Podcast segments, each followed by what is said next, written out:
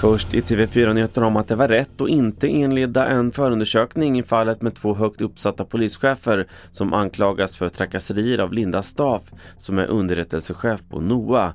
Ja, det säger chefsåklagare Anders Jakobsson till Ekot. I en intervju med DN säger Staff själv att hon utsatts för en smutskastningskampanj.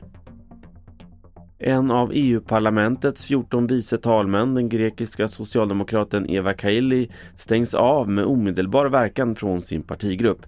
Det är efter nyheten sent igår om att hon misstänks ingå i en muthärva som nu utreds av belgisk polis. Sist om att höga elpriser under det kalla vädret har lett till en ökad oro för elstölder. Elbolaget Grästorp Energi har polisanmält fyra fall av olovlig energiavledning i samband med mätarbyten där en skarvsladd för elmätaren gör att förbrukningen inte syns hos elbolagen. Men det här är både olagligt och farligt, det säger nätchefen för bolaget Erik Landqvist.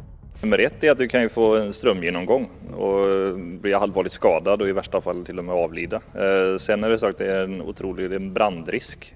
Du hittar fler nyheter i appen TV4 Nyheterna och på tv4.se. Mitt namn är Carl-Oskar Alsen.